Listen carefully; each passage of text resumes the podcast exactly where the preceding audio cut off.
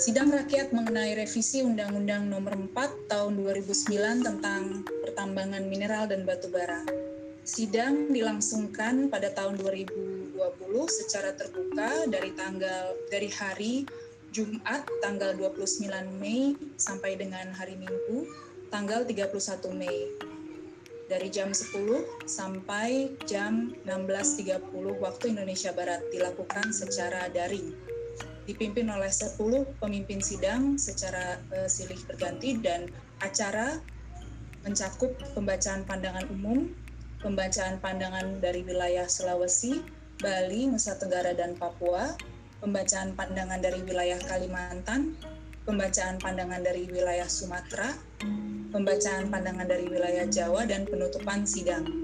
Didukung oleh enam raporter.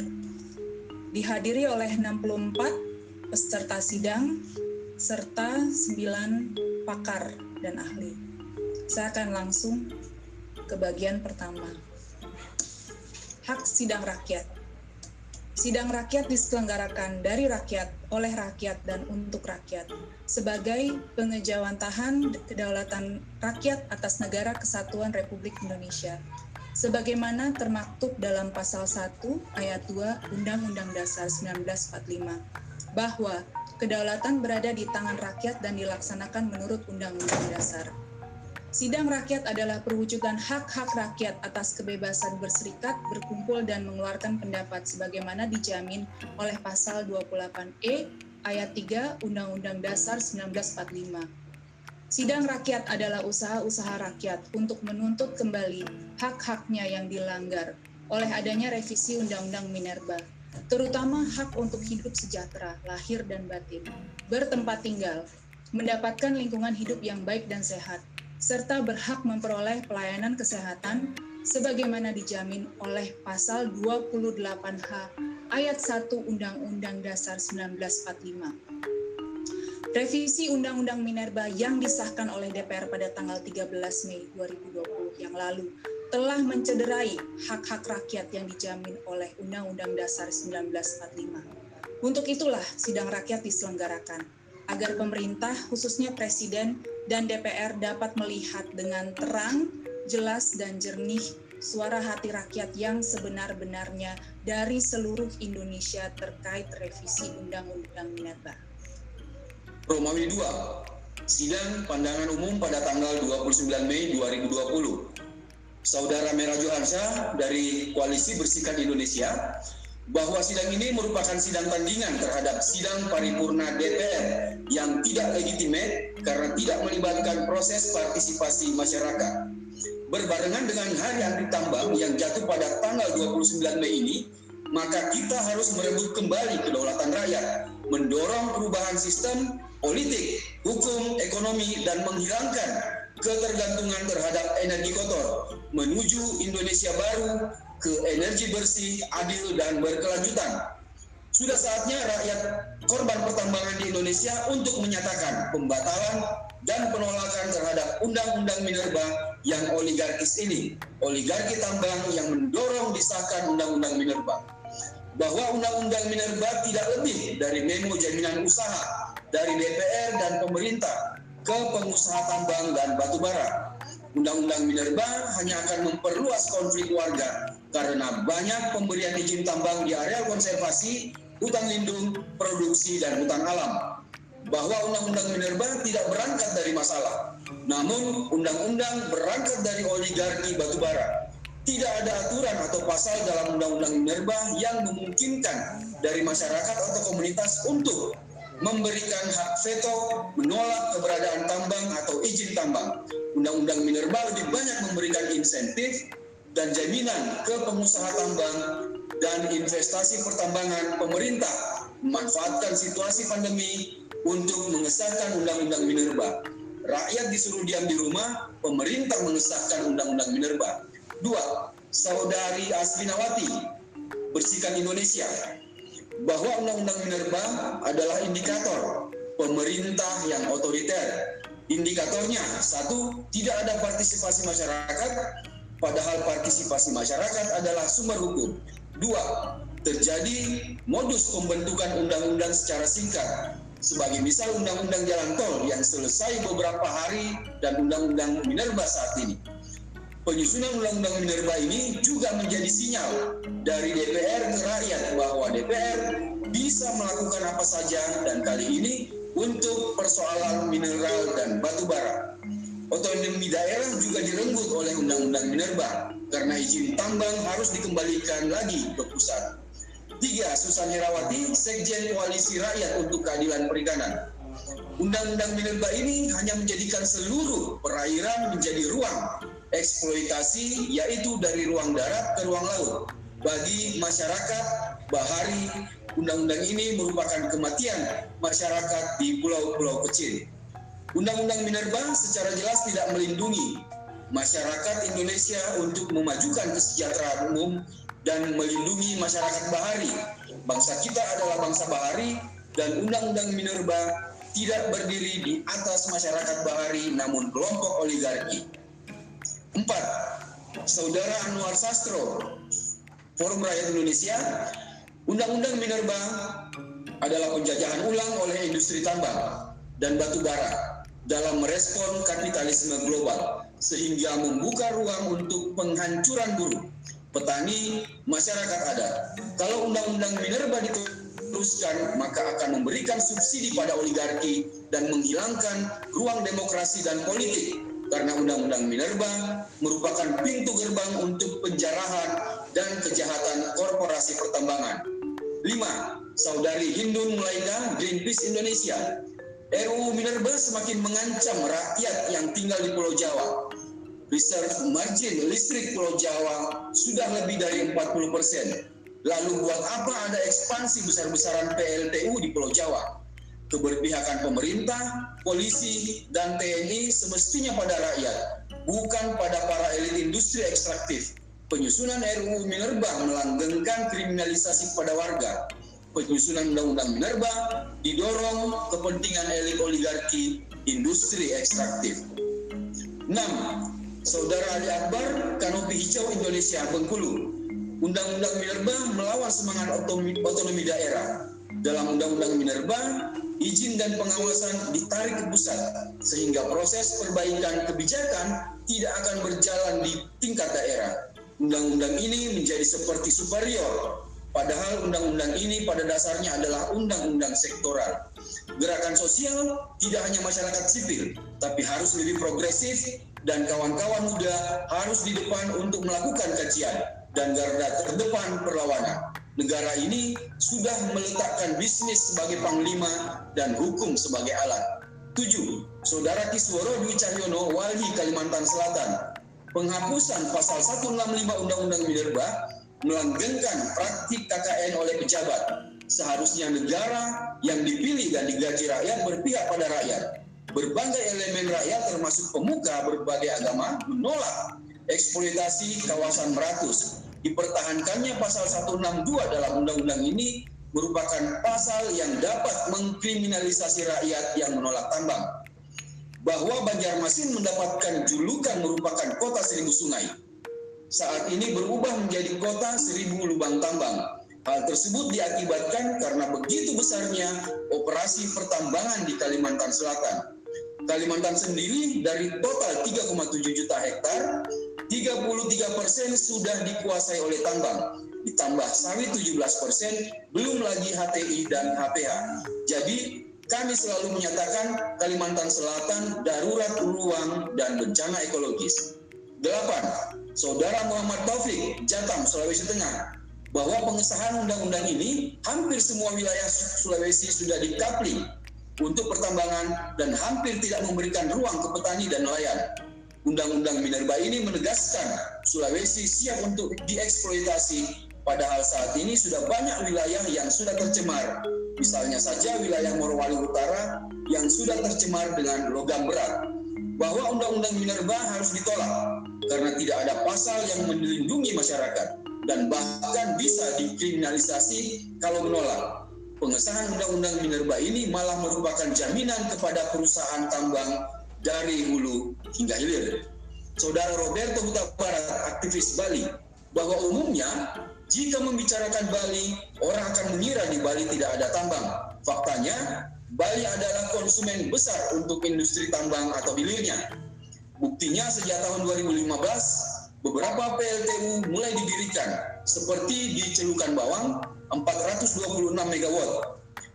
Dan rencana lainnya yaitu PLTU dengan tenaga 330 MW kali dua melalui skema pendanaan obor atau BRI yang rencananya akan menyuplai kebutuhan listrik pariwisata Bali seperti hotel, bandara, dan pembangunan ini erat kaitannya dengan hubungan antara perusahaan-perusahaan industri PLTU dan pertambangan batu bara dengan jenderal-jenderal juga purnawirawan bahwa sebanyak 80 persen pembangunan di Bali diarahkan ke pariwisata dengan menggunakan energi dari batu bara. Bali sudah tidak bersih lagi, Bali sudah kotor, apalagi dengan penggunaan energi kotor batu bara. Dampak dari pembangunan infrastruktur berciri kapitalistik dan eksploitatif sudah menghancurkan ekologi Bali sedemikian parah. Hasil riset Universitas Udayana, terjadi konversi lahan sawah 1000 hektar per tahun sejak tahun 1990. Konversi ini untuk hotel, lapangan golf, villa. Belum lagi ditambah data soal konversi kebun, ruang hidup nelayan juga tergusur. Bahwa lokasi PLTU Celukan Bawang dekat petani Lovina merusak terumbu karang di sana. Masyarakat banyak menderita ISPA akibat PLTU. Semua pembangunan infrastruktur untuk pariwisata di Bali itu bertumpu pada kapitalisme, yaitu pertumbuhan melalui pajak. Bali sendiri menyumbang devisa dari industri pariwisata tertinggi sebesar 140 triliun per tahun, tapi tidak ada yang kembali ke rakyatnya. Bahwa pemerintah mencanangkan pembangunan pariwisata 10 Bali baru, tiga di pedalaman dan tujuh di pesisir yang akan mencontoh Bali. Tapi banyak yang tidak tahu kalau Bali sendiri sudah mengalami degradasi ekologi yang luar biasa kehancuran ekologi, kehancuran sosial, kehancuran budaya karena konsep pertumbuhan melalui pariwisata yang kapitalistik. Bahwa cara membangun Bali ini khas dengan cara Orde Baru, di mana unsur militeristik digunakan untuk membangun industri pariwisata di Bali yang dibacking oleh militer. Ideologi pariwisata sebenarnya dibangun oleh militer, yaitu Jenderal Susilo Sudarman dengan konsep Sabta Pesona. Oleh karenanya, Bali tidak bisa jadi contoh pembangunan pariwisata karena pengelolaannya dikuasai militer. Ada kontradiksi di Bali dengan konsep Sabta Pesona yang ingin bersih, indah, dan lain-lain, itu tetapi dengan adanya industri tambang justru menghancurkan lingkungan hidup yang sangat parah. Bahwa merujuk pada poin di atas, Sejak adanya industri tambang yang tertinggal di Bali hanya kenangan buruk.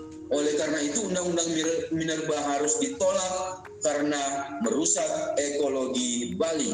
10. Saudara Fajar Adi Nugroho, BEM Universitas Indonesia, bahwa Orde Baru memang sudah runtuh, tapi penguasa tetap menggunakan otoritas karakteristik Orde Baru hingga saat ini. Penguasa menggunakan otoritasnya untuk menerbitkan produk legal, legislasi dengan tidak mendengarkan aspirasi rakyat, tidak bisa mendengar mereka yang terdampak, juga tidak bisa melihat realitas sosial. RUU yang berkaitan dengan sumber daya alam seperti RUU sumber daya air itu juga salah satu RUU yang bermasalah yang kami protes pada September lalu. Aksi langsung September lalu yang menentang RUU berkaitan sumber daya alam seperti RUU Minerba pada saat itu hanya bisa untuk menunda pengesahannya, tidak membatalkan. Karena buktinya hari ini RUU Minerba tersebut sudah disahkan menjadi undang-undang. Bahwa secara keilmuan melihat aspek yang di masyarakat, Undang-Undang Minerba dan segala upaya DPR melanggengkan praktek eksploitatif terhadap alam itu harus segera dihentikan. Konstitusi melandaskan otoritas serampangan melalui pasal 33 ayat 3 khususnya pada penguasaan sumber daya alam.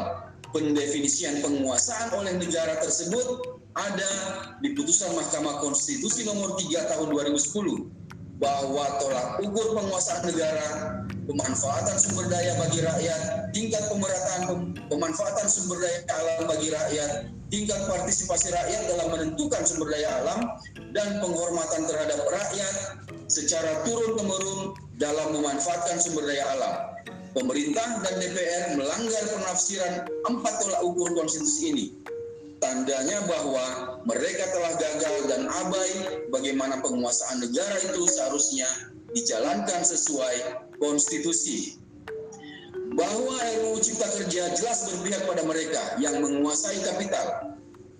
Pasal 165 dihapuskannya pidana untuk pihak yang mengeluarkan izin usaha tambang adalah bentuk keleluasaan oligarki yang sejatinya sudah melakukan usaha pertambangan dengan ilegal dan tidak sesuai dengan peraturan perundangan yang ada. Padahal kenyataannya dengan status quo sudah banyak perusahaan tambang yang melanggar dan hal ini berpotensi mereka bertindak semakin bebas. Disahkannya Undang-Undang Minerba, bukti pemerintah tidak konsisten dan komitmen dalam menjalankan Paris Agreement untuk energi bersih dan mengurangi emisi karbon saudari Marta Kumala dari Benfis UNES bahwa kita semua terdampak dari semua regulasi yang dibuat oleh DPR. Kita harus menggalang massa lebih banyak dan konsisten dalam membuat wadah-wadah seperti ini agar pemerintah dan DPR mau tahu bahwa rakyat Indonesia masih punya kekuasaan untuk melanggengkan kekuatan kita bersama melawan oligarki dan kapitalis. Wakil rakyat malah melanggengkan dan memuluskan jalan oligarki dan kapitalis dan tidak pernah pro untuk kepentingan rakyat. Bahwa mahasiswa siap untuk melawan sampai tuntas menolak digunakannya undang-undang Minerba dan Omnibus Law untuk kesejahteraan rakyat. Melawan undang-undang Minerba karena tidak adanya asas partisipasi bagi rakyat bahkan untuk sekedar membahas rancangan undang-undangnya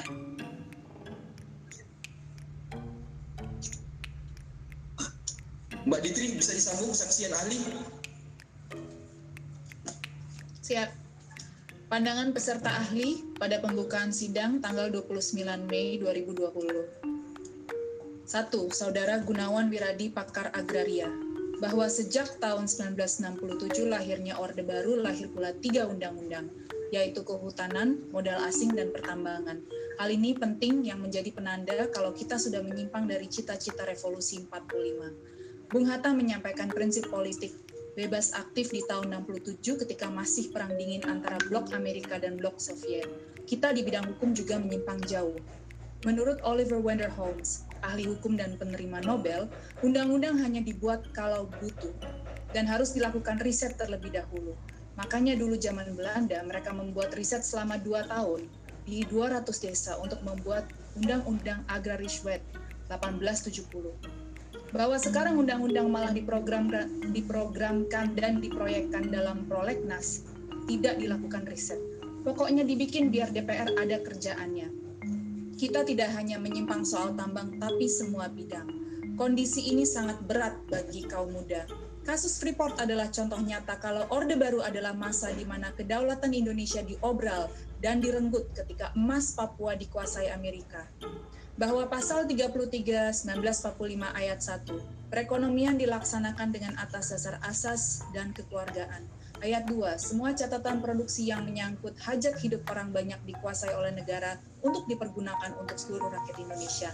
Ayat 3, bumi dan segala isinya dikuasai negara untuk sebesar-besarnya kemakmuran rakyat. Berarti termasuk tambang, kekayaan yang terkandung di dalamnya dikuasai negara dan dipergunakan untuk sebesar-besarnya untuk kemakmuran rakyat bahwa sumber daya alam termasuk tambang, penggunaan dan pengelolaannya harus dieman-eman atau disayang-sayang oleh bangsa agar di generasi mendatang bisa didapatkan manfaatnya juga. Kalau sekarang tidak dieman-eman tapi sama tambang di obral. Kalau undang-undang Minerba ini rancu karena dibuat agar bisa berdiri sendiri, padahal menurut Oliver Wendell Holmes, hukum itu tidak bisa berdiri sendiri atau self-interpreting dan terpaku pada diktum tekstual pasal-pasalnya sehingga harus ada bagian penjelasannya. Sedangkan di Undang-Undang Undang-Undang Dasar 1945, bagian penjelasannya dihapus, sehingga membuat rancu bagian kesejahteraan ekonomi rakyat. adanya hubungan pengesahan Undang-Undang Minerba yang sekarang dengan penyalahgunaan Undang-Undang Dasar 1945 yang mana bagian penjelasannya dihapuskan dan apakah semua RUU masih setia pada cita-cita proklamasi Undang-Undang Dasar 45? Baik, saya lanjut Mbak Ditri. Dua, Saudari Astuti N. Kiwo Fajaru Maluku Utara bahwa pemerintah Maluku Utara lebih mengembangkan ekonomi untuk industri, bukan untuk rakyatnya sekarang Maluku Utara dikelilingi oleh industri pertambangan nikel, bauksit, dan kurang lebih empat izin HGU yang beroperasi di uh, Gane, Halmahera Selatan. Dampak ekologi dan sosial dari industri pertambangan sudah tampak hari ini di Maluku Utara. Ada tiga kontrak karya yang ada di Halmahera memberikan bukti tergerusnya warga dari ruang hidup mereka. Pada tahun 2010 di Halmahera Barat, diproyeksikan industri geotermal, tapi kepemilikan alat produksi ini jatuh ke tangan elit dan menyebabkan kemiskinan struktural. Pembangunan hari ini adalah jenis kerja maskulin yang tidak mengakomodir kepentingan perempuan dan yang paling banyak merusak politik perampasan ruang ini adalah perempuan. Bahwa dalam jenis ini, industri pertambangan adalah contoh kerja maskulin karena ketika ruang hidup perempuan tergusur dari industri pertambangan, perempuan tidak bisa lagi mengakses ruang hidupnya tersebut. Penyingkiran perempuan dan peranannya merupakan karakteristik kuat dari sifat patrialistik. Kemiskinan struktural terjadi akibat dari terampasnya alat-alat produksi masyarakat oleh segelintir orang-orang elit atau oligarki industri pertambangan. Dengan disahkannya Undang-Undang Minerba ini berarti melegitimasi kekuasaan industri ekstraktif yang sudah ada hari ini. Tiga, Saudara Refli Harun ahli hukum tata negara bahwa Undang-Undang Minerba harus ditolak. Pertanyaan substansinya adalah mengapa harus ada Undang-Undang Minerba ini harus menggantikan Undang-Undang Minerba yang tahun 2009. Pengesahannya Undang-Undang Minerba ini untuk menjamin kontrak karya pada The yang terus menguasai pertambangan batu bara. Kontrak karya mereka ada yang sudah habis di tahun 2019 awal dan posisinya terkatung-katung apakah masih bisa menguasai atau tidak. Dan ada yang sampai tahun 2025 itu ada delapan perusahaan yang menguasai puluhan ribu bahkan sampai ratusan ribu hektar. Padahal maksimal 15 ribu hektar. Jumlah penguasaan lahannya juga melebihi batas yang ditentukan di Undang-Undang Minerba tahun 2009. Undang-Undang Minerba baru memberikan opsi ke perusahaan-perusahaan pertambangan untuk memperpanjang izin menjadi 20 tahun sehingga mengurangi peluang negara untuk menguasai sumber daya alam yang telah habis masa kontrak karya. Bahwa secara prosedural Undang-Undang Minerba juga catat hukum karena proseduralnya diselesaikan sangat instan. Pengesahan Undang-Undang Minerba tidak sesuai aturan formal karena ada perbedaan formasi DPR dulu dengan formasi DPR ketika pengesahan Undang-Undang Minerba. Dalam proses deliberasi, Undang-Undang Minerba juga harusnya transparan, partisipatif, objektif, dan tidak ada hidden agenda. Undang-Undang Minerba adalah agenda titipan untuk Omnibus Law.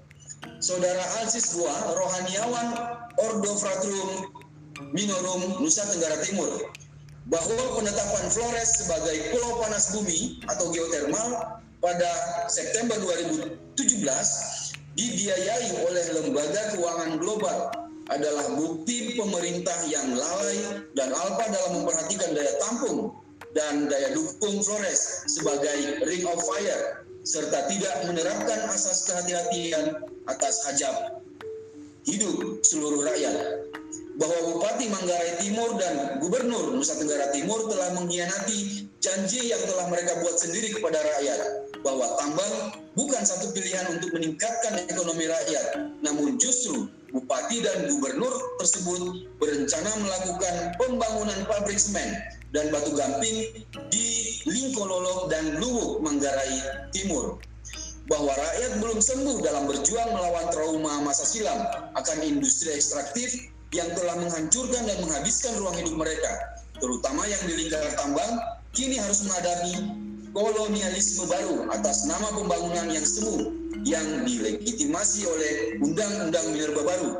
bahwa NTT sendiri menjadi target utama dari kampanye energi bersih, tapi bukan bersih, melainkan kotor karena karena menyerap bahan mangan. Banyak fakta-fakta miris industri ekstraktif yang telah lama dialami oleh warga negara, termasuk yang dialami oleh warga yang kami dampingi di Pulau di Nusa Tenggara Timur, seperti di Pulau Flores, Pulau Sumba, Pulau Timur, Alor, dan Pulau Lembata. Kriminalisasi terjadi pada tua-tua adat dan warga Sirise, Manggarai, Flores, Nusa Tenggara Timur karena mempertahankan tanahnya dari industri mangan. Bapak Sulaiman di Suku, Pulau Timur, NTT, yang tanah dan tanamannya dicaplok oleh perusahaan mangan. Banyak kumpulan cerita-cerita kecil terkait dampak pertambangan yang bisa menunjukkan apa yang sebenarnya terjadi di lingkaran warga Nusa Tenggara Timur. NTT sebagai lokasi wisata, wisata super premium sedang diobrak-abrik oleh industri pertambangan. Cerita janji-janji kesejahteraan dari pertambangan hanya ilusi semata, seperti mengejar mimpi menuai badai. Pembangunan dan kesejahteraan semua adalah tujuan politik masa lalu persekongkolan elit politik dan oligarki bahwa Undang-Undang Minerba merupakan karpet merah bagi pemodal dan kapital dan tidak dan juga merupakan cara dan strategi baru untuk merampok dan menguruk ruang-ruang hidup dan unit-unit produksi masyarakat bahkan seluruh masyarakat itu sendiri. Undang-Undang Minerba melegitimasi lahirnya kolonialisme baru abad ini. Undang-Undang Minerba tidak mengakomodir kepentingan masyarakat, terutama kaum perempuan dan anak, khususnya mereka yang tinggal di daerah lingkar pertambangan. Undang-undang Minerba tidak memberikan hak veto kepada rakyat untuk bisa menyatakan tidak tidak pada industri pertambangan yang dengan alat-alat industri mereka telah merenggut ruang-ruang produksi kita. Oleh karenanya, Undang-Undang Minerba harus dibatalkan. Silakan Ditri. Romawi 3, kesaksian dari wilayah Sulawesi, Bali, Nusa Tenggara, Maluku, dan Papua pada sidang tanggal 30 Mei 2020. 1. Saudara Umbu Wulang Tanamahu, mewakili rakyat di Provinsi NTT, bahwa NTT dikepung 309 izin tambang yang sempat dimoratorium oleh gubernur. Pada perjalanannya, tidak ada evaluasi dari moratorium tersebut, dan tiba-tiba akan ada izin baru pertambangan semen di Manggarai Timur. Kini juga ada pertambangan mangan di Kupang. Upaya untuk menghidupkan dua izin tersebut akan menimbulkan presiden untuk menerbitkan izin baru dan menghidupkan kembali izin lama. Bahwa hampir semua kawasan yang akan dituju oleh izin pertambangan mendapatkan penolakan masyarakat ada pencobaan untuk meredam penolakan dengan berbagai pola baik yang melakukan pendekatan persuasif maupun dengan cara-cara yang cukup keras. Selain itu, investasi-investasi yang masuk ke NTT tersebut berputar pada pariwisata, perkebunan monokultur, dan pertambangan. Tidak kita temukan urusan mengenai pangan. Bahwa peserta sidang dalam keterangannya menyampaikan keberatan dan menolak penerbitan Undang-Undang Minerba.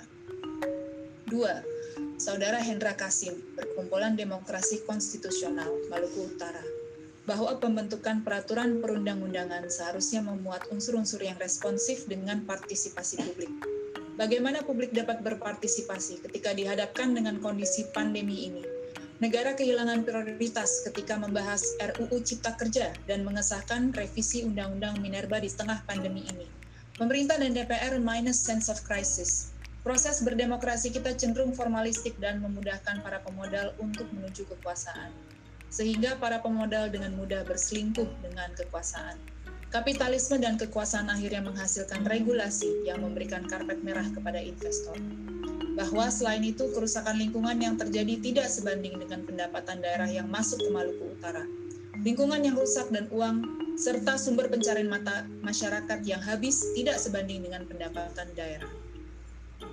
Tiga, Saudara Fenan Haryanto, Sun Spirit for Justice and Peace Labuan Bajo, bahwa pariwisata super premium menyebabkan banyak sekali pencaplokan sumber daya publik di Labuan Bajo secara khusus dan Flores secara umum.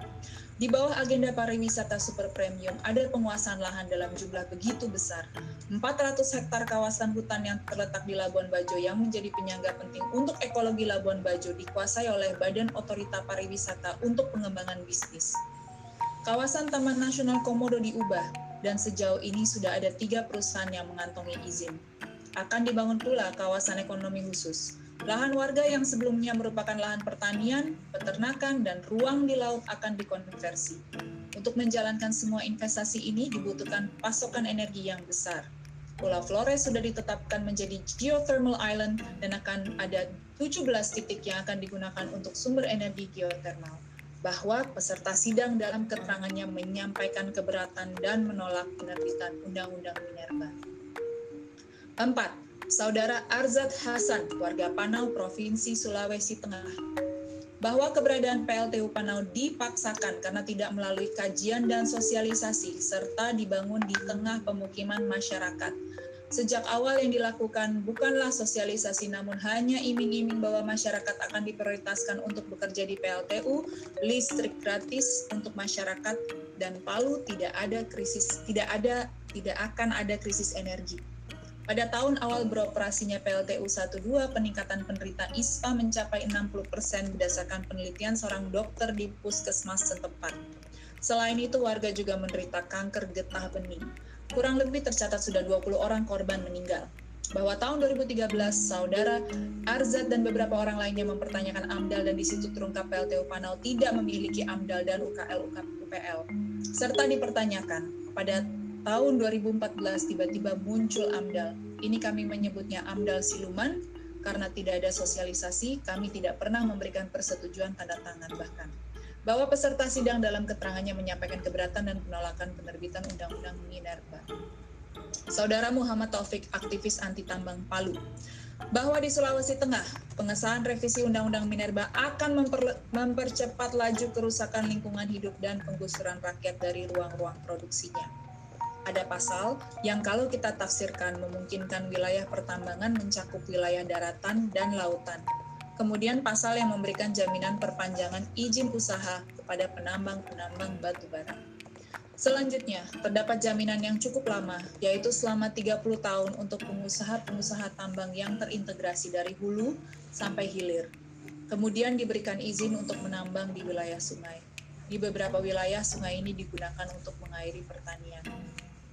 Bahwa pengesahan revisi Undang-Undang Minerba tidak melihat realita rakyat bawah, bagaimana rakyat menggantungkan hidupnya dengan air, dan sebagainya. Selanjutnya ada pasal yang menjelaskan bahwa perusahaan tambang yang tidak memiliki jalan khusus dapat menggunakan jalan umum. Kewenangan untuk memberikan izin pertambangan batuan yang berada di pemerintah pusat perlu dicurigai. Ada hubungannya dengan rencana pemindahan ibu kota baru. Bahwa peserta sidang dalam keterangannya menyampaikan keberatan dan menolak penerbitan Undang-Undang Minerba. Saudara Abarudin, warga Wawoni, Sulawesi Utara, bahwa kegiatan pertambangan merusak tatanan kehidupan kami, baik sebagai petani maupun nelayan. Kegiatan ini menyebabkan perampasan lahan, mengganggu mata pencaharian dan mengakibatkan kriminalisasi. Revisi Undang-Undang Minerba akan mempermudah investor masuk ke wilayah kami. Bahwa peserta sidang dalam keterangannya menyampaikan keberatan dan menolak penerbitan Undang-Undang Minerba. Saudara Muhammad Anwar Environmental Law Forum Universitas Hasanuddin bahwa dengan adanya Undang-Undang Minerba ini tidak relevan dengan apa yang menjadi permasalahan kita. Dunia internasional telah beralih pada energi baru terbarukan, tetapi kita melanggengkan batu bara. Ini juga tidak sesuai dengan amanat konstitusi kita, SDA untuk kesejahteraan rakyat, sementara Undang-Undang Minerba ini jelas tendensinya ke arah korporasi, oligarki, dan abai pada aspek pembangunan berkelanjutan, mendegradasi perlindungan lingkungan hidup dan hak asasi manusia bahwa peserta sidang dalam keterangannya menyampaikan keberatan dan menolak penerbitan Undang-Undang Minerba. Saudari Adolfina Kum, warga Timika, korban Freeport Papua, bahwa operasi pertambangan di Papua tidak ada konsultasi dengan suku-suku. Kehadiran kegiatan pertambangan akibat operasi pertambangan di Papua budaya kami suku Kamura di pesisir yang dikenal dengan 3S, sagu, sampan, sungai, semuanya hilang hari ini. Operasi tambang di Papua menghancurkan mitologi kami orang Papua suku Amume bahwa tanah adalah mama dan gunung adalah tempat suci leluhur kami. Hari ini gunung hancur akibat operasi pertambangan. Kemudian bagaimana dengan otonomi khusus Papua dengan revisi Undang-Undang Minerba? DPR dalam hal ini dalam membuat aturan jangan asal buat dan libatkan masyarakat. Usaha pertambangan di Papua dan pemerintah tidak pernah menghitung, mengaudit, serta mempertanggungjawabkan semua kerusakan lingkungan alam gunung yang telah dibuat. bahwa peserta sidang dalam keterangannya menyampaikan keberatan dan menolak penerbitan Undang-Undang Minerba. Saudara Bob Senawatne, warga Timika, korban Freeport, Papua, bahwa sejak awal kegiatan pertambangan hadir di Papua, tidak ada untungnya untuk orang Papua. Dengan disahkannya revisi Undang-Undang Minerba, usaha pertambangan akan semakin gila karena selama ini memang suka-suka mereka. Mungkin warga di luar Papua melihat bahwa kegiatan pertambangan di sini baik-baik saja, padahal hanya memberikan keuntungan pada elit-elit tertentu. Tempat tinggal dihancurkan, sungai dihancurkan, kebun dihancurkan, budaya dihancurkan, kesehatan hancur, segala sisi hancur. Bahwa peserta sidang dalam keterangannya menyampaikan keberatan dan menolak penerbitan Undang-Undang Minerba. Saudara Aworo, warga Timika, korban Freeport Papua bahwa selain merusak lingkungan dan kesehatan, kegiatan pertambangan juga menciptakan konflik sosial. Sejak 1967, banyak sekali orang Papua, khususnya suku Amu Mekamoro yang dibunuh dan diculik akibat melakukan perlawanan terhadap kegiatan pertambangan. Usaha pertambangan di Papua tidak pernah memperhatikan hak-hak masyarakat. Dana satu persen akhirnya dikeluarkan untuk masyarakat. Bahwa peserta sidang dalam keterangannya menyampaikan keberatan dan menolak penerbitan Undang-Undang Minerba. Saudara Beni Magal, warga Timika, korban Freeport, Papua. Di Papua, selain pertambangan seperti PT Freeport, terdapat juga perusahaan kelapa sawit yang beberapa tahun telah menimbulkan konflik. Nama perusahaan tersebut, PT PAL, ribuan hektar lahan telah dibabat dalam proses pembesaran atau pembukaan lahan. Hubungannya dengan Undang-Undang Minerba ini jadi sangat bahaya, sebab secara kultural antropologi di Papua terlalu banyak suku-suku. Konflik besar-besaran akan terjadi jika perusahaan-perusahaan baru merebut lahan warga. Di saat bersamaan Freeport juga melakukannya atas dasar legitimasi Undang-Undang Minerba yang baru ini, dan Freeport telah punya pengalaman perampasan lahan di tanah Papua. Sehingga kami sangat takut hal ini kembali terjadi. Saudara Mangku Wijana, masyarakat peduli lingkungan Desa Celukan Bawang Bali, bahwa orang Bali memiliki budaya yang sangat erat hubungannya dengan kelestarian alam yang dikenal dengan istilah Trihita Karana. Sebuah falsafah hidup, hubungan dengan sesama manusia, hubungan dengan alam, dan hubungan dengan Tuhan saling terkait satu sama lain. Datangnya pembangkit listrik batubara di Bali melalui PLTU Celukan Bawang sangat merugikan kami hasil panen dan tangkapan nelayan menurun drastis, bahkan berpengaruh kepada budaya kami. Kalau PLTU dibangun, kelapa habis digusur dan diracuni. Dari apalagi kita membuat janur untuk upacara adat. Bahwa peserta sidang dalam keterangannya menyampaikan keberatan dan menolak penerbitan Undang-Undang Minerba. Saudara Baidi Suparlan, nelayan Bakti Kosgoro, Desa Celukan Bawang, Bali, bahwa adanya PLTU batubara di Pulau Bali menyebabkan laut dipenuhi kapal tongkang batubara. Hal ini menimbulkan keresahan bagi kami, khususnya nelayan tradisional. Keresahan yang lainnya adalah pencemaran dari PLTU. Air panas PLTU langsung dibuang ke laut. Ini sangat mencemari, merusak, dan mematikan biota laut. Jadi tambang batubara ini baik dari hulu, hilir, semua kena dampaknya. Pulau Bali ini hilir karena tidak ada tambang batu bara, kan tetapi jadi tempat pembakaran saja dan akhirnya kita sama-sama mendapatkan dampaknya. Bahwa peserta sidang dalam keterangannya menyampaikan keberatan dan menolak penerbitan Undang-Undang Minerba. Saudara Nur Hidayat, komunitas Omah Laras Bali, bahwa revisi Undang-Undang Minerba ini pro investor dan oligarki. Di sana jelas bahwa kenapa undang-undang ini disahkan saat musibah nasional pandemi COVID-19 Batu bara adalah energi yang tidak terbarukan dan berdampak pada pencemaran dari daratan, pesisir hingga laut. Bahwa peserta sidang dalam keterangannya menyampaikan keberatan dan menolak penerbitan Undang-Undang Minerba. Pandangan peserta ahli pada sidang wilayah Sulawesi, Bali, Nusa Tenggara, Maluku, dan Papua pada sidang tanggal 30 Mei 2020. 1. Saudara Syarul Mustafa, dosen FH Universitas Muhammadiyah Mataram bahwa revisi Undang-Undang Minerba memiliki beragam permasalahan. Mengenai pasca tambang, saya selalu mempertanyakan bagaimana grand design-nya, apa yang ingin dibangun pemerintah di daerah-daerah pasca tambang. Semestinya dari awal sudah dibicarakan ke lokasi-lokasi penambangan. Sementara di sisi lain, kalau kita bicara adanya jaminan terhadap perusahaan tambang untuk melakukan operasional berikutnya, saya kira semestinya harus diatur adalah sistem audit. Audit pemasaran terkait sejumlah konsentrat dan apa saja kandungannya kalau mengacu pada kontrak karya, perusahaan hanya membayar yang terdapat dalam kontrak saja. Kemudian mengenai hilirisasi, banyak perusahaan yang tidak melakukan secara serius dalam hilirisasi. Pemerintah diperankan sebagai pihak yang membebaskan lahan dan menerbitkan izin lingkungan. Kalau kemudian pasca tambang terjadi masalah, apakah daerah yang akan bertanggung jawab? Di mana letak tanggung jawab pemerintah pusat? Substansi RUU Minerba sangat jauh dari yang kita harapkan. Ketika desentralisasi dilakukan, inspektur tambang yang ada di daerah tidak bisa melakukan pengecekan konsentrat secara maksimal. Kalau mau sekarang diaudit semua perusahaan-perusahaan besar, Dampak tambang tidak hanya mengenai lingkungan tapi juga ekonomi dan sosial. Hampir di semua wilayah tambang terjadi kesenjangan ekonomi dan sosial. Belum lagi penggunaan instrumen secara represif, baik perangkat desa maupun aparat, terutama dalam pembebasan lahan. Saudara Alsiskua Rohaniawan Ordo Fratrum Minorum, Nusa Tenggara Timur, bahwa hampir seluruh pulau di NTT menunjukkan fakta buruk yang berkaitan dengan kegiatan pertambangan. Bagaimana tanah, air, dan masyarakat hancur karena investasi pertambangan ini. Selalu diagungkan bahwa investasi pertambangan akan membuka lapangan pekerjaan dan membawa kesejahteraan. Namun hal tersebut hanya janji. Ketika investasi sudah masuk, pemerintah berpihak kepada investor. Warga didesak untuk menyatakan persetujuan. Pola adu domba, tekanan, bujuk, rayu, pembohongan publik, dan dikriminalisasi. Bahwa di tengah kondisi seperti ini muncul investasi-investasi baru ke NTT pada sektor semen dan batu gamping.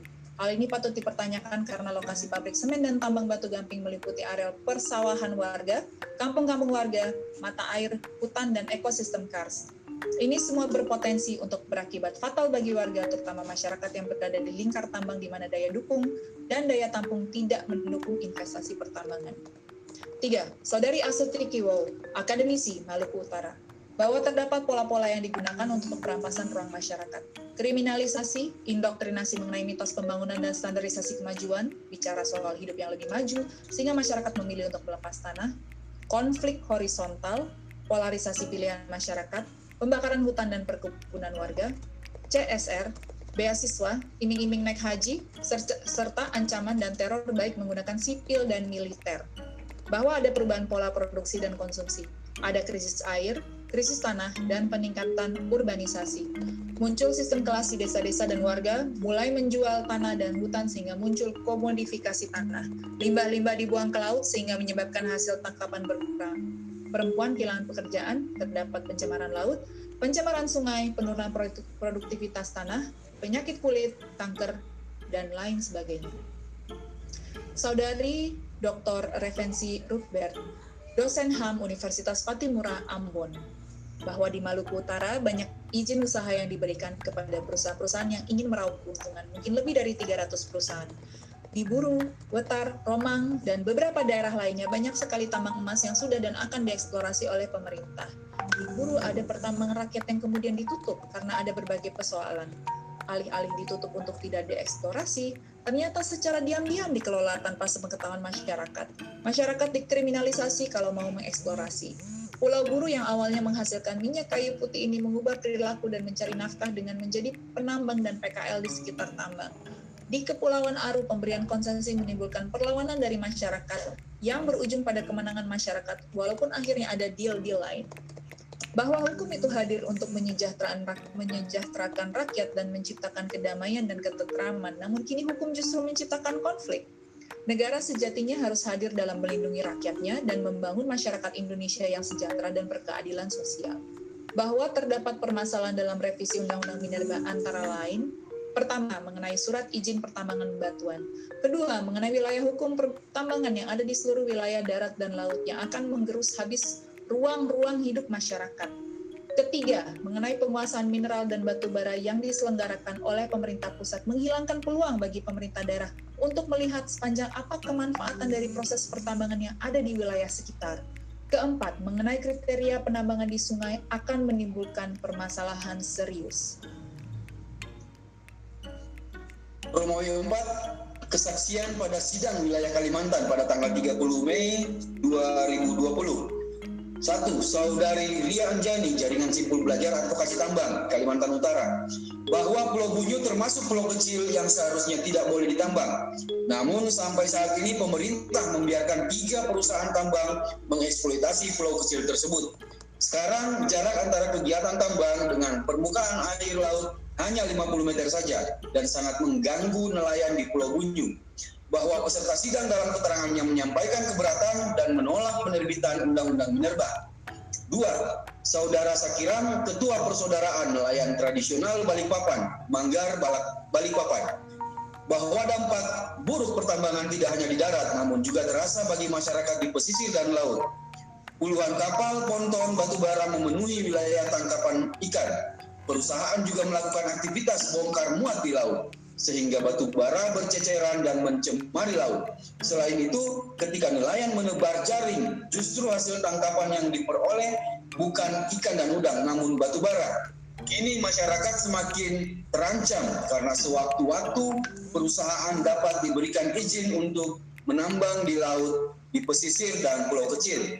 Bahwa peserta sidang dalam keterangan menyampaikan keberatan dan menolak penerbitan Undang-Undang Minerba. Tiga, saudari Rahmawati, ibunda almarhum Raihan Saputra, korban tenggelam di lubang tambang batubara Samarinda, bahwa sudah 35 anak meninggal di lubang tambang di Kalimantan Timur akibat kelalaian perusahaan yang tidak menutup lubang tambang. Adapun pihak keluarga telah melapor ke berbagai pihak termasuk ke menteri. Namun izin tetap diberikan dan perusahaan yang bertanggung jawab terhadap lubang tambang tersebut justru kini telah beroperasi kembali. Bahwa peserta sidang dalam keterangannya menyampaikan keberatan dan menolak penerbitan Undang-Undang Minerba. Saudara Eriko Ragil Martino, warga desa Pepas Asa, Kutai Barat, bahwa masyarakat desa Pepas Asa sejak menolak kehadiran tambang batubara PT Kencana Wilsa, masyarakat telah menyampaikan berita acara tanggapan atas izin lingkungan yang dikirimkan ke Dinas Penanaman Modal dan Badan Lingkungan Hidup Kutai, Kutai Barat. Namun tidak ditanggapi. Masyarakat di desa kami adalah petani yang tidak memiliki kemampuan pertambangan.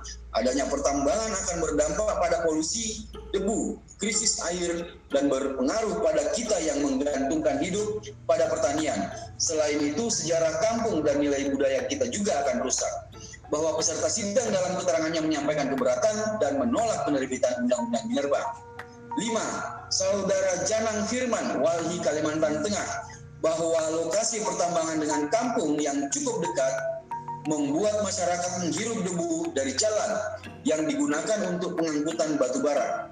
Kesejahteraan buruh di sebagian wilayah tidak terpenuhi dengan upah di bawah upah minimum. Bahwa peserta sidang dalam keterangannya menyampaikan keberatan dan menolak penerbitan Undang-Undang Minerba. 6. Saudara Andi Muhammad Akbar, mahasiswa Universitas Mula Warman, Aliansi Kaltim Melawan, bahwa 20 tahun lalu Desa Mula Warman menjadi lumbung padi bagi Kalimantan Timur. Namun kini masyarakat tidak memiliki lahan pertanian lagi. Masyarakat tidak bisa bertani dan untuk air bersih mereka harus membeli. Kemiskinan, kemiskinan meregenerasi karena tidak ada lagi yang bisa diwariskan pada anak cucu sudah ada 1.400 lebih izin tambang di Kalimantan Timur. Namun Kalimantan Timur adalah wilayah termiskin nomor 6 di Indonesia.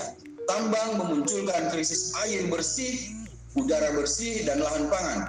Ekspansi tambang yang masif di Kalimantan Timur menghancurkan sektor pertanian. Selain itu, proses pembahasan revisi Undang-Undang Minerba sama sekali tidak partisipatif tidak memberikan ruang bagi masyarakat sipil untuk memberikan kritik dan syarat bahwa peserta sidang dalam keterangannya menyampaikan keberatan dan menolak penerbitan Undang-Undang Minerba. Tujuh, Saudara Taufik Tani Muda Santan, Desa Santan Hilir, Kabupaten Kutai, Kartanegara, bahwa adanya pertambangan memunculkan konflik baru karena Sungai Santan yang rusak, yakni adanya konflik manusia melawan buaya karena rusaknya rantai ekosistem di Sungai Santan sehingga buaya memangsa manusia. Selain itu, warga juga terdampak secara ekonomi. Dahulu nelayan sungai menggantungkan hidupnya di desa Santan. Mereka berburu udang, kerang kepang dan ikan serta dapat menghasilkan hingga 300 rupiah 300 ribu rupiah sehari. Namun saat ini tidak dapat lagi dilakukan karena kerang kepang sudah punah akibat sedimentasi dari aktivitas tambang bahwa peserta sidang dalam keterangannya menyampaikan keberatan dan menolak penerbitan Undang-Undang Minerba. 8. Saudara Pradar Marupang, Jaringan Simpul Belajar Jatam, Kalimantan Timur, bahwa kantong-kantong kemiskinan berada di wilayah di mana izin tambang diberikan. Dua dekade terakhir, bencana terus-menerus terjadi di Kalimantan Timur. Banjir, longsor, bahkan peracunan sungai hingga tidak layak dikonsumsi. Hingga 2020 tercatat 37 warga Kalimantan Timur meninggal di lubang tambang batu bara. Bahwa bahwa peserta sidang dalam keterangannya menyampaikan keberatan dan menolak penerbitan Undang-Undang Minerba.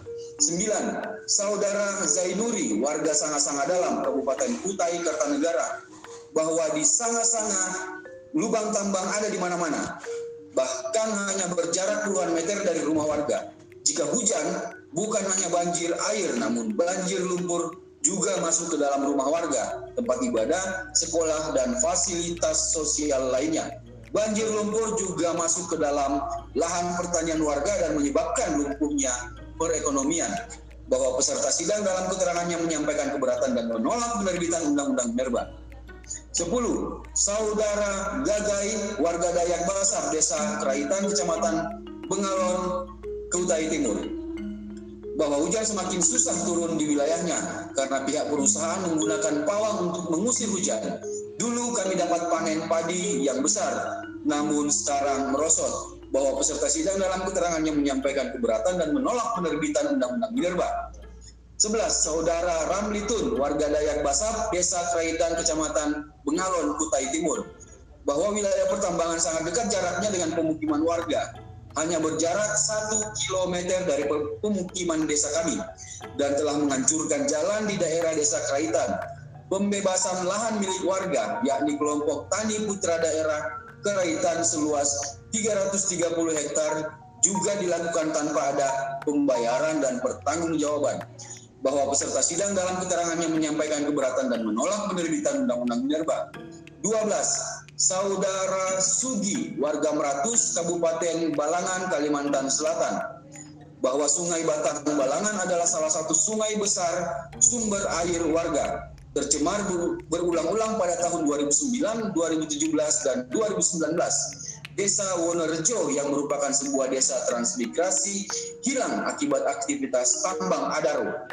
Bahwa peserta sidang dalam keterangannya menyampaikan keberatan dan menolak penerbitan Undang-Undang Minerba Saudara Arifin, Mapala Meratus, Kalimantan Selatan, bahwa di Kalimantan Selatan banyak lubang tambang yang menganga dan tidak direhabilitasi. Lubang tambang yang berisi air asam ini sering bocor dan mencemari sumber air yang digunakan oleh warga sekitar tambang. Banyak aliran sungai yang tercemar, pertambangan seperti Sungai Amandit di Kabupaten Hulu Sungai Selatan, Sungai Satui di Kabupaten Tanah Bumbu bahwa peserta sidang dalam keterangannya menyampaikan keberatan dan menolak penerbitan Undang-Undang Minerba. 14. Saudara Kiswaro Dwi Cahyono, Wahana Lingkungan Hidup Indonesia, Kalimantan Selatan, bahwa Saudara Kisworo menyatakan kecewa, semua tahu tambang ada di daerah, salah satunya Kalimantan Selatan, tapi rakyat Kalimantan tidak pernah dilibatkan dalam penyusunan dan pengambilan keputusan. Jangankan rakyat, DPD saja tidak dilibatkan, ini pelecehan. Walaupun saya mempertanyakan DPD selama ini di mana, rakyat tidak dilibatkan, tahapan tertutup dan dilakukan di masa pandemi. Artinya mereka tidak memiliki empati bahwa peserta sidang dalam keterangannya menyampaikan keberatan dan menolak penerbitan Undang-Undang Minerba. Kesaksian ahli pada sidang wilayah Kalimantan pada Sabtu 30 Mei 2020.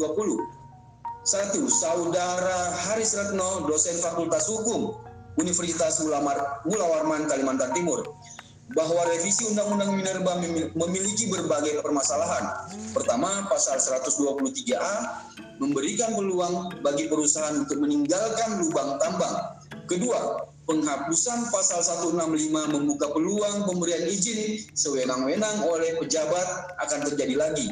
Ketiga, pasal 169A yang memberikan perpanjangan otomatis bagi kontrak karya dan PKP 2B yang habis, masa berlakunya hanya akan menguntungkan pemilik modal. Keempat, revisi Undang-Undang Minerba menghidupkan kembali rezim kontrak yang sebelumnya menggunakan rezim perizinan. Kesaksian pada sidang wilayah Sumatera, Minggu 31 Mei 2020. Saudara Maskur, Sumatera Terang untuk Energi Bersih, bahwa pengesahan Undang-Undang Minerba baru ini seolah-olah membuat kejahatan yang dilakukan pemerintah ini menjadi legal dan dilindungi hukum.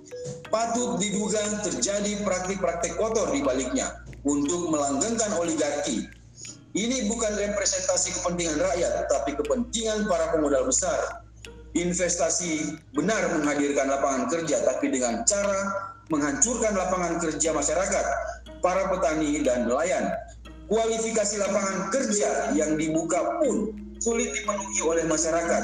Sekarang kita lihat apakah ada investasi yang masyarakatnya hidup sejahtera ketika hidup berdampingan dengan investasinya faktanya selalu terjadi konflik dalam bentuk sengketa lahan maupun sengketa lingkungan bahwa peserta sidang dalam keterangannya menyampaikan keberatan dan menolak penerbitan Undang-Undang Minerba. Dua, saudari Sumiati Surbakti, Sumatera Terang Energi, untuk energi bersih, bahwa keistimewaan terhadap taipan tambang menjadi pintu masuk langgengnya oligarki tambang. Terlihat dari jangka waktu penguasaan lahan skala besar yang bertambah semakin lama, kami menolaknya adanya Undang-Undang Minerba. Kami menolak adanya PLTU di Sumatera. Kami ingin udara bersih dan langit biru yang tidak lagi dicemari polusi yang merusak paru-paru anak kami. Kami ingin kembalinya hutan mangrove dan ekosistem pesisir pantai. Kami menuntut dikembalikannya kesejahteraan ekonomi nelayan. Bahwa peserta sidang dalam keterangannya menyampaikan keberatan dan menolak penerbitan Undang-Undang Minerba. Tiga, Saudara Muaz Amiruddin BEM KM Universitas Sriwijaya bahwa DPR sepertinya singkatan dari Dewan Pengkhianat Rakyat dan korporasi rakus yang berselingkuh dengan rezim Salim hanya akan menghasilkan penindasan bahwa peserta sidang dalam keterangannya menyampaikan keberatan dan menolak penerbitan Undang-Undang Minerba. Empat, Saudara Riki Pratama, Mahupala Fakultas Hukum Universitas Bengkulu, bahwa Undang-Undang Minerba jelas-jelas cacat prosedural dan melanggar ketentuan pembentukan peraturan perundang-undangan di dalamnya tidak mengandung ekokrasi maupun demokrasi, tapi hanya kepentingan oligarki bahwa peserta sidang dalam keterangannya keberatan dan menolak penerbitan Undang-Undang Minerba. Lima, warga desa Sesiur bahwa negara harus menjaga rakyatnya, bukan membunuh rakyatnya jangan seenaknya kalian mengesahkan undang-undang minerba saat kami tidak bisa bekerja karena corona. Selain itu, sebelum ada PLTU, nelayan bisa mendapatkan 2,8 juta dalam seminggu untuk melaut. Tapi saat ini, untuk mendapatkan 50 ribu saja sangat sulit karena laut tercemar dengan limbah air panas dan debu. Ruang tangkap juga semakin sempit karena diganggu dengan hilir mudiknya tongkang batu bara bahwa peserta sidang dalam keterangannya menyampaikan keberatan dan menolak penerbitan Undang-Undang Minerba. 6. Saudara Yusmanilu, Kepala Desa Pondok Bakil Bengkulu, bahwa setahun setelah kegiatan pertambangan berjalan di desanya, irigasi persawahan dan akses jalan usaha tanah hancur. Sempat ada kesepakatan setelah demonstrasi oleh masyarakat dilakukan bahwa perusahaan akan memperbaiki irigasi, memperbaiki kompensasi gagal panen, memperbaiki jalan usaha tani, dan membangun tanggul. Namun tidak terrealisasi sampai saat ini. Dengan kewenangan di daerah saja seperti ini, bagaimana nanti kalau di pemerintah pusat? Hasil panen sangat menurun dibandingkan sebelum ada kegiatan pertambangan. Masyarakat di sini dipekerjakan sebagai buruh harian dan kini saat pandemi dirumahkan. Lubang-lubang tambang tidak ditutup oleh perusahaan Masyarakat mau mengambil gaji harian saja sampai di portal aksesnya dan dijaga oleh pasukan yang hijau-hijau itu. Bahwa peserta sidang dalam keterangannya menyampaikan keberatan dan menolak penerbitan Undang-Undang Minerba. Tujuh, Saudara Mulyono, korban tambang batu bara di D5 Ketahun, Bengkulu bahwa ia prihatin dengan moral anggota DPR yang mengambil kebijakan penting ketika negara bahkan dunia dihadapkan dengan COVID-19. Masyarakat di lockdown, dirumahkan, tidak tahu mau makan apa, malah anggota DPR bersenang-senang mengesahkan Undang-Undang Minerba. Padahal kami yang menempatkan anggota Dewan duduk di kursi itu. Uang pajak kami yang menggaji anggota Dewan. Selain itu, masalah ditutupi dengan rupiah. Tidak pernah selesai, hanya ditunda-tunda. Lagi pula, Apakah rupiah ini dapat membersihkan debu yang kami hirup? Tuntutan kami adalah cabut Undang-Undang Minerba karena menutup hak veto masyarakat untuk menolak. Melakukan AMDAL yang sesuai dengan keadaan lapangan, perbaiki tumpang tindih perizinan, bahwa peserta sidang dalam keterangannya menyampaikan keberatan dan menolak penerbitan Undang-Undang Minerba. 8. Saudara Rustam Effendi, warga Teluk Sepang, dan korban PLTU Teluk Sepang, Bengkulu, bahwa sudah tiga tahun kami berjuang menolak PLTU, tapi tidak pernah didengarkan. Perkebunan rakyat untuk menghidupi anaknya digusur tanpa musyawarah dengan warga tempat mencari kepiting dan udang kini habis. Uji coba PLTU batubara yang menghasilkan limbah menyebabkan 28 ekor penyu mati. Kami sudah berjuang untuk ini dan tidak digubris. Ganti rugi untuk perkebunan sama sekali tidak sesuai dengan peraturan yang ada. Bahwa peserta sidang dalam keterangannya menyampaikan keberatan dan menolak penerbitan Undang-Undang Minerba. 9. Saudara Hamidin, Ketua Posko Langit Biru, warga Teluk Sepang Bengkulu, bahwa kami menolak dengan tegas sejak, sejak awal PLTU batubara karena kami takut terjadi pencemaran udara dan air laut. Penolakan kami tidak pernah digubris. Masyarakat pernah mengirimkan tanda tangan penolakan, memblokade jalan, dan mengajukan upaya hukum, tetapi juga tidak didengar. Tanaman masyarakat digusur pada malam hari dan baru dipanggil untuk diberikan ganti rugi setelah itu. Petani kepiting dihabiskan mata pencariannya, limbah PLTU batubara sangat merugikan mata pencaharian masyarakat kami. Bahwa peserta sidang dalam keterangannya menyampaikan keberatan dan menolak penerbitan Undang-Undang Minerba. 10. Saudara Sahwan, Salim Lahat korban PLTU Kebun Keban Agung Sumatera Selatan bahwa tambang dibuka dengan bahan peledak, PLTU menurunkan kualitas tanah, sungai tercemar dan mata pencaharian warga hilang. Kami sudah muak dengan tambang yang merugikan bahwa peserta sidang dalam keterangannya menyampaikan keberatan dan menolak penerbitan Undang-Undang Minerba. 11. Warga Sijantang Koto, Sawah Lunto, Sumatera Barat bahwa wilayah dan tanah kami yang sangat produktif dijadikan lahan untuk mendirikan PLTU batubara. PLTU batubara hadir di tengah-tengah pemukiman masyarakat dan ini menunjukkan sejak awal pemerintah tidak memikirkan keselamatan kami. PLTU hanya mengangkat ekonomi segelintir orang-orang tertentu. Sudah 20 tahun masyarakat di sini hanya diberikan janji-janji yang sangat banyak sekali. Kami tidak bisa hidup hanya dari janji manis. Ancaman kesehatan bagi kami di sini melebihi ancaman kesehatan dari COVID-19. Pemerintah menutup mata terhadap polusi air, polusi tanah dan polusi udara bahwa peserta sidang yang dalam keterangannya menyampaikan keberatan dan menolak penerbitan Undang-Undang Minerba. Kesaksian ahli pada sidang wilayah Sumatera 31 Mei 2020. Saudara Dr. Edra Satmiadi, SHMH, dosen Fakultas Hukum Universitas Bengkulu, bahwa revisi Undang-Undang Minerba ini aneh. Negara seolah menjamin izin seperti takut investor lari. Kalau alasannya untuk kontrak karya dan PKP 2B yang berakhir, diakhiri saja karena sudah menepati dan menghormati perjanjian sesuai dengan asas fakta san servanda. Mengapa jadi terlihat seolah revisi Undang-Undang Minerba ini tidak independen dan hanya untuk kepentingan segelintir kalangan? Dua, Saudara Ferry Amsari, SHMH, LLM, dosen Fakultas Hukum Universitas Andalas, bahwa terdapat tiga aktor korupsi Minerba, pembuat undang-undang, yaitu DPR dan Presiden, aparat penegak hukum dan investor. DPR memanfaatkan situasi dengan membahas RUU bermasalah di saat pandemi. Presiden mengabaikan kepentingan publik, aparat penegak hukum menjadi alat, pemilik modal yang diuntungkan dan sudah ada buktinya di KPK kalau mereka adalah pengusaha tambang. Strateginya pun sama seperti Omnibus Law, sengaja menaruh pasal kontroversial, publik bereaksi, tapi pasal lain yang diselipkan luput dari perhatian dan tetap lolos. Bagian ke-6 atau Romawi 6, kesaksian pada sidang wilayah Jawa tanggal 31 Mei 2020. 1. Saudara Tri Adi Bangsawan, warga Bayah dan anggota Geostrategy Study Club bahwa di Bayah semenjak tahun 1942 sudah ada tambang yaitu sejak zaman Jepang. Tahun 2012 pertambangan masuk dan proses pengukuran dan pembebasan tanah berlangsung. Semenjak 2014 semua berubah dan terjadi perubahan ekologis. Kehidupan ikan kecil terganggu, sebaran debu masuk ke lingkungan masyarakat. Sejak 2017, beberapa kepala desa sudah menolak pertambangan kas, tapi aktivitasnya masih berlangsung hingga sekarang. Undang-Undang Minerba melemahkan kewenangan pemerintah daerah untuk mengelola sendiri potensi daerahnya.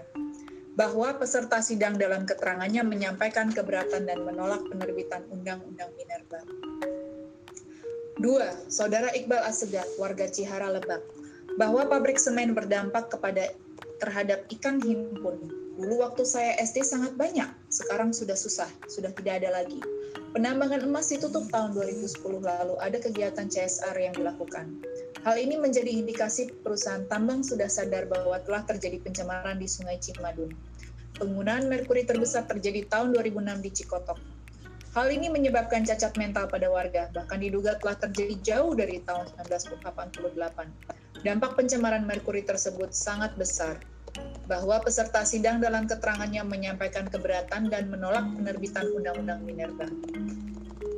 3. Saudara Uus Kusnadi, FWTB, Sukabumi, bahwa warga tidak pernah memberikan persetujuan untuk terbitnya perusahaan tambang Kawasan Kars Gunung Guna dieksploitasi, di mana tempat ini adalah sumber penghidupan warga seperti bercocok tanam, beternak secara tradisional, terutama bagi masyarakat ekonomi kecil, di mana Gunung Guha adalah penghidupan bagi kami. Setelah dieksploitasi, kami merasakan dampak perubahan cuaca, kebisingan dari mesin-mesin yang super besar, di mana kami berjarak 300 meter yang berbatasan dengan perusahaan bahwa kegiatan blasting juga menyebabkan adanya korban pingsan, trauma untuk anak-anak, dampak psikis lainnya, bahkan menimbulkan keretakan bagi rumah warga. Dampak lainnya adalah banjir terus terjadi selama lima tahun. Sawah warga terendam material sehingga gagal panen, rumah terendam dan musola juga terendam. Warga juga mengalami kriminalisasi, kami merasakan dampak negatif dari pertambangan sehingga kami menolak Undang-Undang Minerba tersebut.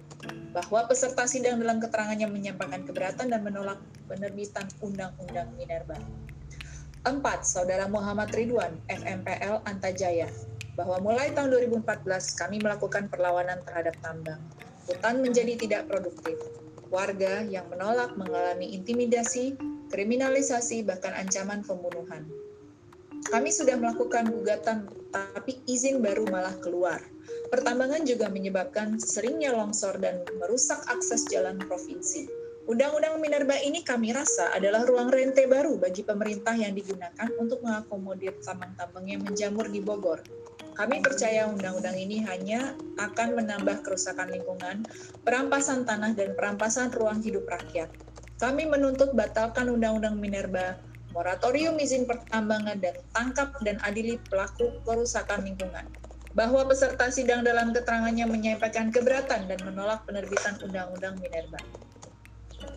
5. Saudara Domo Jatayu Indramayu bahwa PLTU menyebabkan kerusakan lingkungan dan berdampak terhadap nelayan, petani, dan pohon kelapa banyak mati.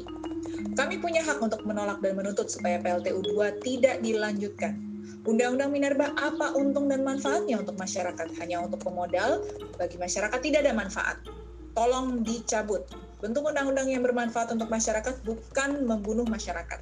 Atas advokasi yang sudah kami lakukan tidak ada respon, jangan janji-janji. Bahwa peserta sidang dalam keterangannya menyampaikan keberatan dan menolak penerbitan Undang-Undang Minerba. 6. Saudara Iwan Kurniawan Ampel Kuningan bahwa masyarakat tidak diberikan sama sekali partisipasi ketika perusahaan galian akan melakukan izin. Terjadi kriminalisasi bagi aktivis lingkungan yang menolak pertambangan. Pemerintah tutup mata dan buta mata, buta hati, dan tidak melihat kesengsaraan yang dialami warga. Undang-undang ini hanya menguntungkan investor hitam, bukan rakyat. Buru-buru disahkan. Kami menolak Undang-Undang Minerba yang sudah disahkan ini bahwa peserta sidang dalam keterangannya menyampaikan keberatan dan menolak penerbitan Undang-Undang Minerba. Saudara Angga, nelayan korban PLTU Cirebon, bahwa apa untung Undang-Undang Minerba bagi rakyat? Saya bukan akademisi, tapi apa sih korelasinya terhadap rakyat? Siapa yang butuh Undang-Undang Minerba? Kedaulatan ada pada rakyat. Kami warga Cirebon siap bergerak melawan Undang-Undang Minerba. Bahwa peserta sidang dalam keterangannya menyampaikan keberatan dan menolak penerbitan Undang-Undang Minerba. 8. Saudara Gunretno Kendeng bahwa tambang ini merusak. Ini industri perusak lingkungan Jawa yang pada tidak te tidak tepat ditetapkan sebagai kawasan industri. Jangan takut untuk bergerak dalam menolak tambang dan undang-undang minerba. bahwa peserta sidang dalam keterangannya menyampaikan keberatan dan menolak penerbitan Undang-Undang Minerba. Saudari Sukinah, Kendeng, bahwa dalam masa COVID, walaupun pemerintah menyuruh membatasi dulur-dulur, ternyata tambang dan pabrik semen terus beroperasi. Apa yang diucapkan pemerintah tidak seperti apa yang dirasakan masyarakat di desa. Situasi pandemik ini, dulur-dulur diintimidasi, ada dulur-dulur yang mau ditabrak mobil oleh preman tambang. Dulur-dulur tidak akan patah semangat dan terus melanjutkan perjuangan. Undang-undang Minerba ini akan merugikan semua masyarakat. Bahwa peserta sidang dalam keterangannya menyampaikan keberatan dan menolak penerbitan Undang-Undang Minerba. 10. Saudara Sunu, urut Sewu, bahwa izin kepemilikan lahan pasca tambang tidak selesai. Pemerintah tidak melakukan fungsi untuk melindungi rakyat karena hanya memfasilitasi investor dan tidak mengedukasi dan tidak memberikan informasi yang objektif kepada masyarakat. Pemerintah tidak pernah melakukan apa pun. Petani sejahtera karena usaha sendiri. Pemerintah dan DPR untuk siapa? Ketika hadir untuk rakyat, harusnya memberikan perlindungan kepada rakyat. Bahwa peserta sidang dalam keterangannya menyampaikan keberatan dan menolak penerbitan Undang-Undang Minerba. 11. Saudara David, PLTU Jepara, bahwa kita melakukan penolakan Izin dikeluarkan tahun 2009, masyarakat tidak dilibatkan pada hal terdampak. Pertambangan tidak mempedulikan lingkungan, sehingga tanah tergerus aktivitas tambang, termasuk lahan persawahan masyarakat. Perusahaan tidak melakukan tindakan reklamasi. Bahkan penambang membiarkan lubang-lubang yang menganga, bahkan ada tempat yang merupakan tempat ritual masyarakat juga jadi rusak. Bahwa peserta sidang dalam keterangannya menyampaikan keberatan dan menolak penerbitan Undang-Undang Minerba. 12 Saudara Andi, Cikuya Brebes. Bahwa pertengahan 2018, awal mula pergerakan penolakan terhadap pertambangan, kami mulai gencar melakukan aksi penolakan dan mengumpulkan tanda tangan warga perihal penolakan. Pihak pengembang belum memiliki izin. Warga yang menolak mengalami intimidasi dan dilaporkan ke Polres dengan tuduhan menghalangi izin pertambangan. Ada 10 warga yang dipanggil. Polres bukan melindungi warga malah menerima laporan pengembang. Pertambangan bukan solusi ekonomi rakyat, hanya menyengsarakan rakyat. Lebih baik fokus pada pertanyaan daripada pertambangan. Bahwa peserta sidang dalam keterangannya menyampaikan keberatan dan menolak penerbitan Undang-Undang Minerba. 13. Saudara Widodo, PPLP Kulon Progo, bahwa warga menolak perencanaan pertambangan. Di mana pun tambang, tidak ada yang menguntungkan. Kita memiliki hak untuk hidup, dan ketika hak hidup kita mulai tergusur, harus kita lawan. Kalau itu, lahan pertanian tetap harus untuk pertanian. Pengurus negara sudah tidak mendengar rakyatnya. Bahwa peserta sidang dalam keterangannya menyampaikan keberatan dan menolak penerbitan Undang-Undang Minerba. 14. Saudari Sadinem Binong, PLTU Cilacap. Bahwa PLTU berdampak buruk seperti ekonomi, sosial, maupun budaya. Dampak ekonomi adanya perubahan profesi, perubahan pendapatan maupun perubahan kehidupan Dampak lain, perampasan ruang hidup. Tidak ada lagi tanah, pertanian, tempat tinggal, dan tidak ada ruang aman. Untuk anak-anak yang bersekolah pun terganggu. Sekolah berdekatan dengan lokasi PLTU Cilacap. Kerusakan-kerusakan lingkungan seperti pencemaran air, menurunnya ketahanan pangan, polusi udara, dalam kurung berdampak ispa pada balita, dan abrasi laut. Di tengah pandemik, warga harus bukan hanya berjuang melawan virus, tapi diemban perjuangan terhadap lingkungannya. Bahwa ada juga undang-undang minerba tentunya sangat merugikan kita sebagai masyarakat. Kita hanya merasakan keberpihakan pemerintah hanya pada pengusaha batu bara. Peran perempuan tentunya semakin berat, terutama peran tanggungan dalam keluarga maupun menjaga lingkungan sekitar. Penyakit ISPA sudah menjadi suatu penyakit yang endemik di daerah kami. Kami menggugat Undang-Undang Minerba untuk dibatalkan karena akan semakin merugikan bagi masyarakat. Kita hanya dikorbankan hanya untuk pemasok energi ketenaga listrikan terhadap pembangunan PLTU. Bahwa peserta sidang dalam keterangannya menyampaikan keberatan dan menolak penerbitan Undang-Undang Minerba. 15. Saudara Prianto, PLTU Cilacap bahwa dengan adanya Undang-Undang Minerba akan semakin dirasakan terkait dengan adanya perampasan ruang hidup Pembebasan yang dilakukan akan semakin leluasa dan ancaman abrasi pun akan semakin dekat. Bahwa peserta sidang dalam keterangannya menyampaikan keberatan dan menolak penerbitan Undang-Undang Minerba. 16. Saudara Mufti, Wadas, bahwa terjadi pengerukan karena akan dibangun waduk yang sangat besar. Lokasi melewati beberapa desa. Wilayah desa kami menjadi salah satu sumber andesit pembangunan waduk. Pembangunan waduk tidak melibatkan masyarakat terdampak. Pembangunan waduk sebagai program strategis nasional. Mayoritas petani peternak tentunya menolak terhadap Undang-Undang Minerba. bahwa peserta sidang dalam keterangannya menyampaikan keberatan dan menolak penerbitan Undang-Undang Minerba. 17. Saudara Adi Gombong, bahwa negara tidak ada itikat untuk melindungi rakyat. Walaupun tambang di daerah kami sudah tidak ada aktivitas, namun tetap potensi aktivitas pertambangan masih menghantui warga di desa kami. Warga perlu saling belajar dan beraliansi melawan Undang-Undang Minerba yang akan semakin menggerus ruang hidup rakyat bahwa peserta sidang dalam keterangannya menyampaikan keberatan dan menolak penerbitan Undang-Undang Minerba. 18. Saudara Nur Hidayat Tumpang Pitu bahwa Undang-Undang Minerba tidak layak disebut sebagai Undang-Undang Minerba, lebih layak disebut sebagai Undang-Undang Penjajahan.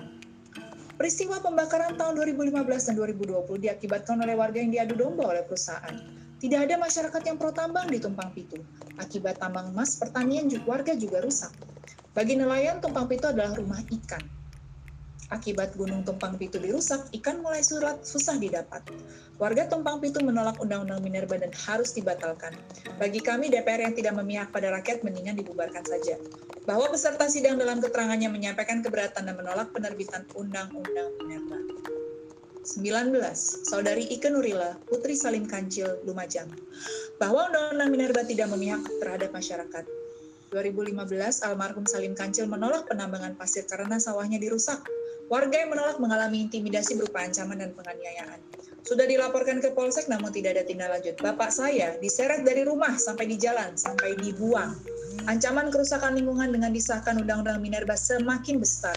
Akibat tambang pasir terjadi banjir rob yang membanjiri rumah-rumah warga dan sawah-sawah warga tidak bisa ditanam, tidak bisa ditanami. Pemulihan pasca tambang sulit dan memakan waktu yang sangat lama. Pengawalan terhadap 60 pelaku pembunuhan Salim Kacil hanya 30 orang yang dihukum dan hanya dua orang yang dihukum berat. Kami sangat kecewa terhadap keputusan tersebut. Bahwa peserta sidang dalam keterangannya menyampaikan keberatan dan menolak penerbitan Undang-Undang Minerba. 20. Saudara J. Mukti, Trenggalek. Bahwa di Trenggalek ada area konsesi yang sangat luas. PT SNM yang sama di Tumpang Pitu mencakup 10 kecamatan di Kabupaten Trenggalek Wilayah Kars dihilangkan pada tata ruang sampai menghilangkan keberadaan sungai-sungai bawah tanah. Ketika dihilangkan berdampak pada hilangnya jumlah mata air karena diperuntukkan untuk konsesi pertambangan. Pemerintah dan Badan Geologi bekerja selayaknya siluman. Tidak terlihat tiba-tiba ada kegiatan eksplorasi. Data yang menjadi sumber pemerintah Kabupaten Trenggalek tidak dapat diakses oleh masyarakat. Bahwa Undang-Undang Minerba sangat berbahaya, terutama dalam melakukan penolakan akan berdampak kriminalisasi terhadap warga bahwa peserta sidang dalam keterangannya menyampaikan keberatan dan menolak penerbitan Undang-Undang Minerba. 21. Saudara Abdul Hakim PLTU Batang bahwa pembangunan video dilakukan tanpa pembangunan PLTU dilakukan tanpa ada sosialisasi.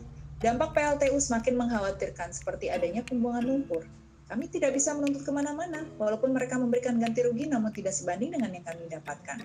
Di tempat pembangunan PLTU ini menjadi tempat kami bertahan hidup, menjadi tempat bernaung kami mengais rezeki. Pemerintah yang membuat pemerintah yang pemerintah yang membuat pemerintah yang melanggar. Sementara kami sebagai rakyat selama ini akan menjadi korban, sehingga kami akan tetap berjuang sampai detik terakhir bahwa peserta sidang dalam keterangannya menyampaikan keberatan dan menolak penerbitan Undang-Undang Minerba. 22, Saudara Fahmi Walhi Jateng. Bahwa dari tadi sudah dipaparkan persoalan pertambangan, daya tampung, dan daya dukung sungguh terbebani. Belum lagi banyaknya tambang ilegal yang tidak memiliki izin. Jawa menjadi hilir atas pertambangan batu bara karena dibangunnya PLTU. Tercatat Jawa sudah surplus 40% tetapi kenapa dipaksakan untuk dibangun PLTU? Bahwa Undang-Undang Minerba hanya mengakomodir kepentingan perusahaan tambang dan semakin memberikan dampak buruk terhadap masyarakat. Undang-Undang Minerba sebagai cara untuk memiskinkan masyarakat secara terstruktur yang dilakukan oleh oligarki pemangku kebijakan. Bahwa peserta sidang dalam keterangannya menyampaikan keberatan dan menolak penerbitan Undang-Undang Minerba. 23. Saudara Rusda, FNK SDA Semarang bahwa FNK SDA Semarang menolak Undang-Undang Minerba karena berdampak buruk terhadap sosial ekonomi terhadap masyarakat. Ini merupakan kelicikan anggota dewan dan penguasa. Dibuktikan bahwa Undang-Undang Minerba hadir disahkan pada saat di tengah masyarakat berjuang melawan COVID-19. Dari awal Undang-Undang Minerba sudah cacat secara formalitas dan melanggar asas keterbukaan. DPR RI seolah menyembunyikan dari rakyat dalam pembentukannya. Sebelum adanya Undang-Undang Minerba aja, pertambangan sudah menjadi alasan perburuk lingkungan. Untuk petani berpotensi kerusakan sebesar 50% dan nelayan berdampak 80% akibat pertambangan ini. Undang-Undang Minerba berpengaruh terhadap penolakan warga terdampak karena akan semakin banyak kriminalisasi terjadi terhadap penolakan dampak buruk pertambangan. Bahwa peserta sidang dalam keterangannya menyampaikan keberatan dan menolak penerbitan Undang-Undang Minerba. 24. Saudara Birawa Wicaksana BMKM IPB bahwa Undang-Undang Minerba ini merupakan produk hukum yang mengancam keberadaan lingkungan. Pandemi COVID-19 menunjukkan tingginya ketimpangan sosial di Indonesia. Kontribusi pengusaha tambang terhadap masyarakat tidak didengar. Uh, kontribusi pengusaha masyarakat tidak didengar. Kebebasan akademis sudah terasa menjadi ancaman terhadap pembatasan kebebasan berpikir. Undang-Undang Minerba telah mencederai nilai-nilai demokratis. Undang-Undang Minerba semakin mendekatkan kita terhadap krisis lingkungan. Bahwa peserta sidang dalam keterangannya menyampaikan keberatan dan menolak penerbitan Undang-Undang Minerba. 25. Saudari Anissa Gerakan Perempuan UNJ bahwa Undang-Undang Minerba ini akan berdampak buruk tidak hanya pada lingkungan namun juga pada sektor lain.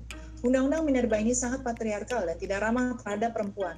Tambang Tambang ini memiliki karakter yang sangat eksploitatif terhadap fungsi alam dan ekosistem sampai kepada berdampak pada kesehatan reproduksi perempuan.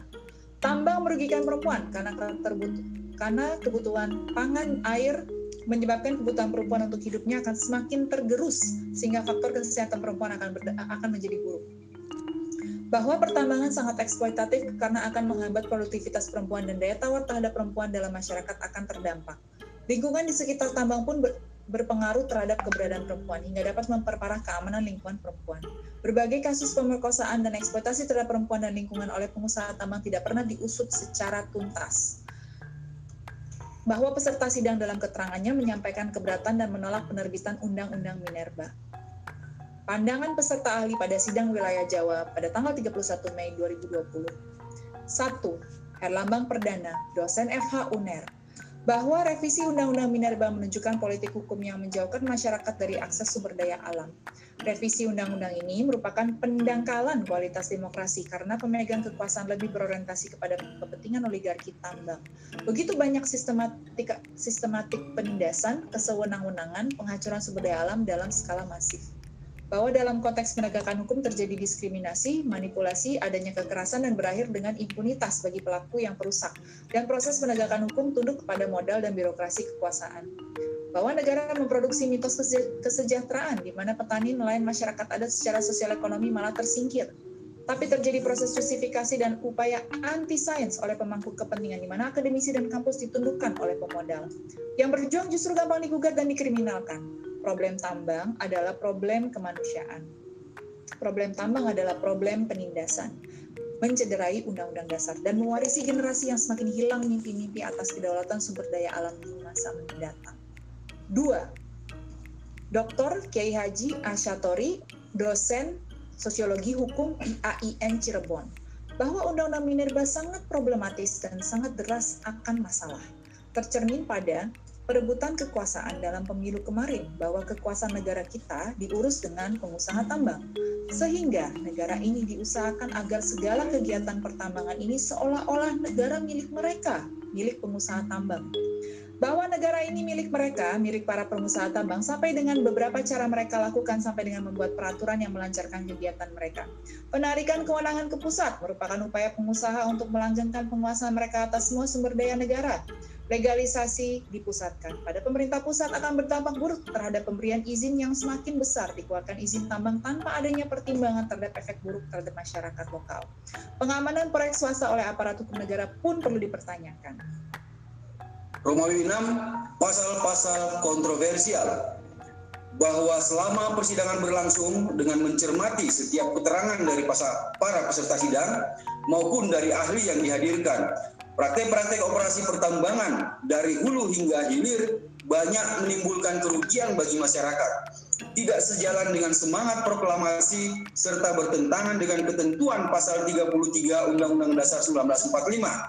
Pada pokoknya menjelaskan bahwa operasi pertambangan hanya menguntungkan oligarki, tetapi abai terhadap keselamatan rakyat, terutama mereka yang tinggal di lingkar tambang bahkan dampaknya menjadi efek domino terhadap semakin memburuknya kehidupan rakyat. Bahwa operasi pertambangan yang semakin masif terjadi sejak tahun 1967 bersamaan dengan ditetapkannya Undang-Undang Penanaman Modal Asing yang menjadi monumen untuk mengubah demokrasi ekonomi Indonesia menjadi kapitalistik. Hal tersebut merupakan babak baru dari sejarah perampasan ruang hidup rakyat serta penghancuran alam di seluruh kepulauan Nusantara. Secara perlahan namun pasti terjadi pengabaian terhadap potensi agraria dan potensi bahari sehingga kita seperti melepaskan identitas kita sebagai negeri agraris. Bahwa peserta sidang memberikan keterangan begitu banyak bencana ekologis seperti banjir, polusi udara, hilangnya hutan, debu, bahkan tragedi kemanusiaan seperti hilangnya nyawa, hilangnya desa seperti desa-desa fiktif di Kalimantan atau desa-desa di Sidoarjo akibat lumpur lapindo. Hal tersebut mengakibatkan hilangnya memori kolektif, catatan sejarah manusia, dan hilangnya kenangan hidup yang pasti menjadi sesuatu yang menyakitkan untuk rakyat. Belum lagi penyakit yang muncul bahkan di beberapa tempat menjadi endemi kriminalisasi yang terjadi terhadap warga yang mempertahankan ruang hidupnya dari terjangan operasi tambang serta korupsi yang merajalela karena politik perizinan tambang yang diobral terutama di masa-masa pergantian kepemimpinan baik di pusat maupun di daerah bahwa undang-undang minerba yang baru menimbulkan banyak kekhawatiran terutama bagi rakyat di mana keselamatan rakyat diabaikan, korupsi dan kolusi merajalela, sementara jaminan dan kemudahan atas kelangsungan usaha pertambangan terus diberikan. Namun kriminalisasi dan ruang warga untuk berpartisipasi atau hak untuk menyatakan keberatan dan atau tidak setuju semakin dikikis bahkan dihilangkan Hal tersebut dapat dilihat dalam beberapa pasal-pasal yang dianggap menjadi predator bagi kehidupan rakyat. Di antaranya, pasal 1 ayat 13A yang sebelumnya tidak diatur, ini bertambah menjadi perizinan baru, surat izin penambangan ban, surat izin penambangan batuan. Dua, pasal 1 ayat 28A Undang-undang sebelumnya tercantum pada pasal 29 bahwa wilayah pertambangan yang selanjutnya disebut WP adalah wilayah yang memiliki potensi mineral dan atau batu bara dan tidak terkait dengan batasan administrasi pemerintahan yang merupakan bagian dari tata ruang nasional. Berubah menjadi wilayah hukum pertambangan adalah seluruh ruang darat, ruang laut, termasuk ruang dalam bumi sebagai satu kesatuan wilayah yakni Kepulauan Indonesia tanah di bawah perairan dan landas kontinen. Pasal 4 ayat 2 di undang-undang sebelumnya menyebutkan penguasaan mineral dan batu bara oleh negara sebagaimana dimaksud dalam ayat 1 diselenggarakan oleh pemerintah dan atau pemerintah daerah berubah menjadi penguasaan mineral dan batu bara oleh negara sebagaimana dimaksud pada ayat 1 diselenggarakan oleh pemerintah pusat sesuai dengan ketentuan undang-undang ini. Pasal 18 berubah menjadi satu, penetapan luas dan batas wilayah izin usaha pertambangan mineral logam dan wilayah izin usaha pertambangan batu bara harus mempertimbangkan A. Rencana pengelolaan mineral dan batu bara nasional B. Ketersediaan data sumber daya dan atau cadangan mineral atau batu bara dan C. Status kawasan Pasal 22 huruf D. Sebelumnya di Undang-Undang 4 2009, luas maksimal wilayah pertambangan rakyat adalah 25 hektar. Berubah menjadi di undang-undang yang baru berubah menjadi luas maksimal wilayah pertambangan rakyat adalah 100 hektar. Pasal pasal 35 ayat 1 di undang-undang sebelumnya belum diatur, di undang-undang terbaru menyebutkan usaha pertambangan dilaksanakan berdasarkan perizinan berusaha dari pemerintah pusat. Pasal 83 huruf C di undang-undang sebelumnya menyebutkan luas satu wilayah izin usaha pertambangan khusus untuk tahap kegiatan operasi produksi pertambangan batu bara diberikan dua dengan luas paling banyak 15.000 hektar. Di undang-undang yang baru disebutkan luas satu wilayah izin usaha pertambangan khusus untuk tahap kegiatan operasi produksi pertambangan mineral logam atau batu bara diberikan berdasarkan hasil evaluasi menteri terhadap rencana pengembangan seluruh wilayah yang diusulkan oleh pemegang izin usaha pertambangan khusus.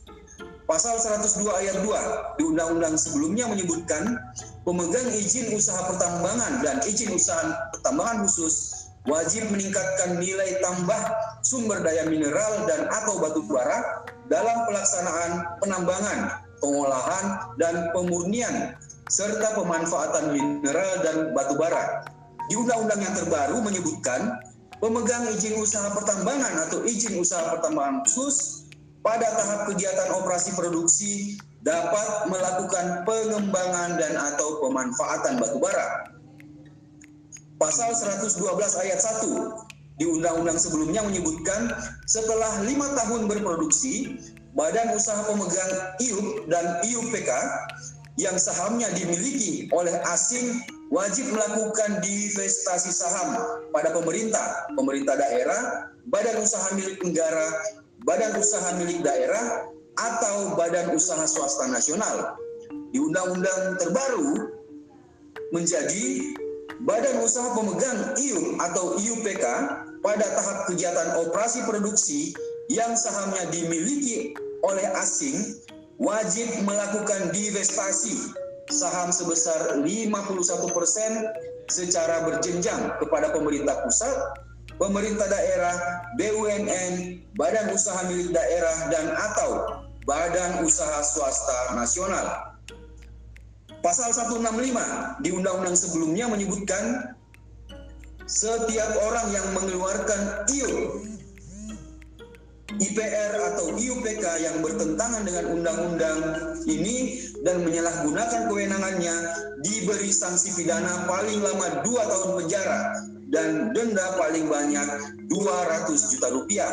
Di undang-undang yang terbaru pasal ini dihapuskan Pasal 169A di undang-undang sebelumnya menyebutkan kontrak karya dan perjanjian karya pengusahaan pertambangan batu bara yang telah ada sebelumnya berlaku, undang-undang ini tetap diberlakukan sampai jangka waktu berakhirnya kontrak. Di undang-undang yang baru berubah menjadi kontrak karya dan PKP 2B sebagaimana dimaksud dalam pasal 169 diberikan jaminan perpanjangan menjadi IUPK sebagai kelanjutan operasi kontrak atau perjanjian setelah memenuhi persyaratan dengan ketentuan. A. Kontrak atau perjanjian yang belum memperoleh perpanjangan dijamin mendapatkan dua kali perpanjangan dalam bentuk IUPK paling lama 10 tahun. B. Kontrak atau perjanjian yang telah memperoleh perpanjangan pertama dijamin untuk diberikan perpanjangan kedua paling lama 10 tahun.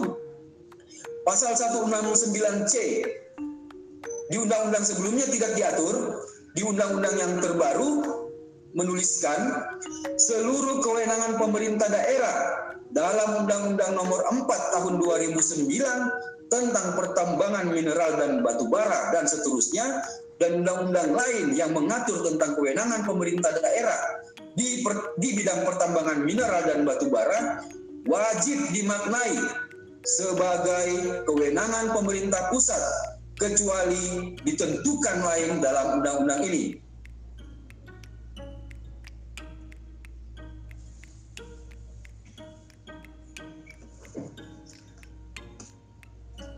Tujuh, delapan, deklarasi bersama bahwa setelah mendengarkan seluruh keterangan peserta sidang, mendengarkan seluruh keterangan ahli, mencermati proses penerbitan Undang-Undang Minerba serta mengupas baik secara formil maupun material. Dengan tekad yang kuat untuk menyelamatkan kehidupan rakyat, maka berikut adalah kesimpulan dari seluruh pandangan. A. Penyampaian kesimpulan keseluruhan pandangan. 1. Sidang paripurna DPR 12 Mei 2020 tidak quorum secara kualitatif karena tidak partisipatif, tidak relevan atas fakta lapangan, dan amoral karena dilaksanakan menunggangi pandemi. Sidang tersebut tidak quorum, artinya wakil-wakil yang hadir pada sidang tersebut duduk adalah wakil oligarki, pengusaha, dan investor. Kehadiran mereka bukan representasi rakyat, rakyat merasa tidak diwakili aspirasinya oleh mereka.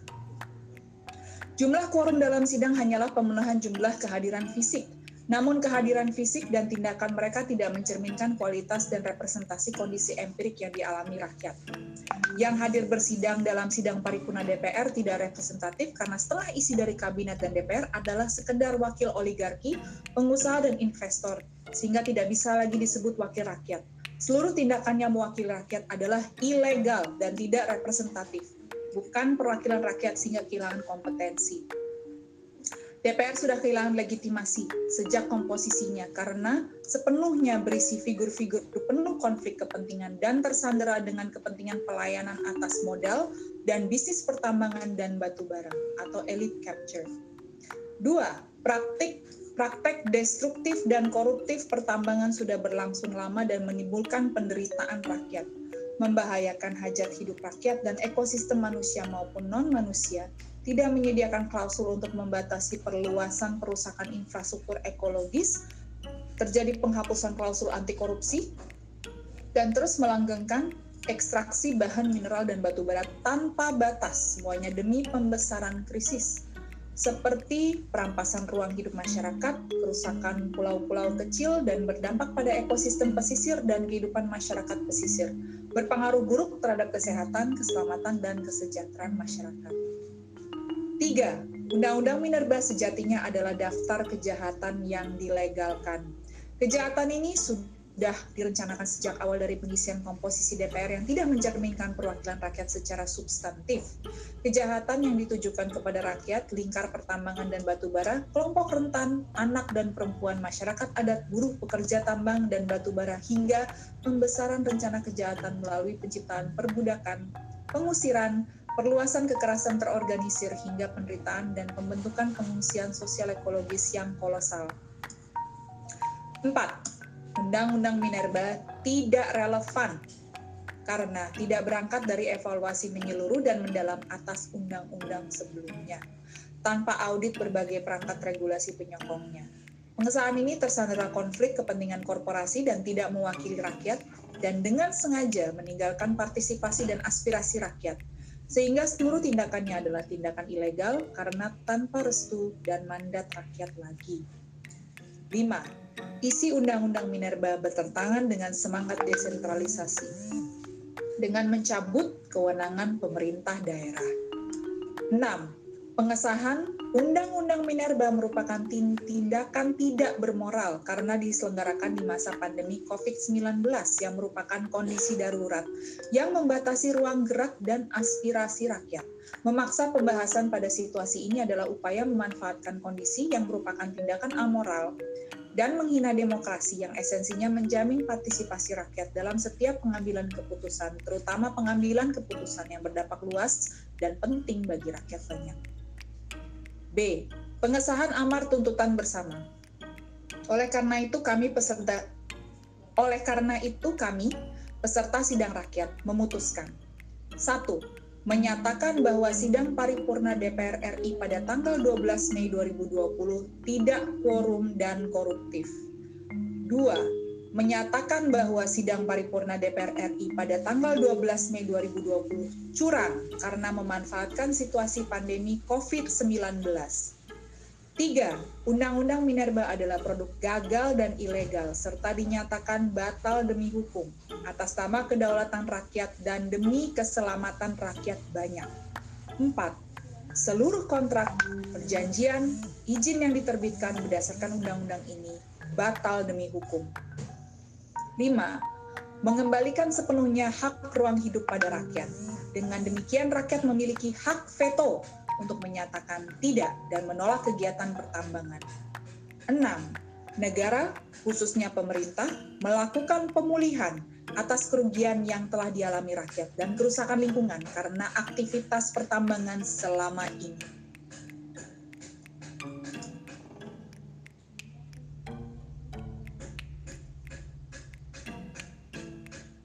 Bung Edo tolong di unmute.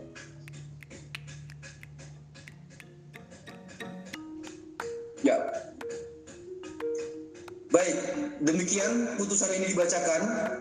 Oleh karena itu, peserta sidang menyerukan kepada seluruh warga negara Indonesia agar mengawal dan memastikan putusan sidang ini dapat dijalankan dengan penuh. Dibacakan pada hari Senin tanggal 1 Juni tahun 2020 pukul 14 lebih 28 menit di hadapan sidang rakyat paripurna melawan Undang-Undang Minerba untuk kedaulatan rakyat dan keselamatan rakyat. Hidup rakyat, hidup rakyat, hidup rakyat. Semoga Tuhan Yang Maha Kuasa selalu melindungi dan menyertai perlawanan kita untuk menolak dan membatalkan Undang-Undang Minerba ini. Pimpinan sidang Adityani Putri Edo Rahman. Terima kasih. Wassalamualaikum warahmatullahi wabarakatuh. Saya kembalikan ke panitia.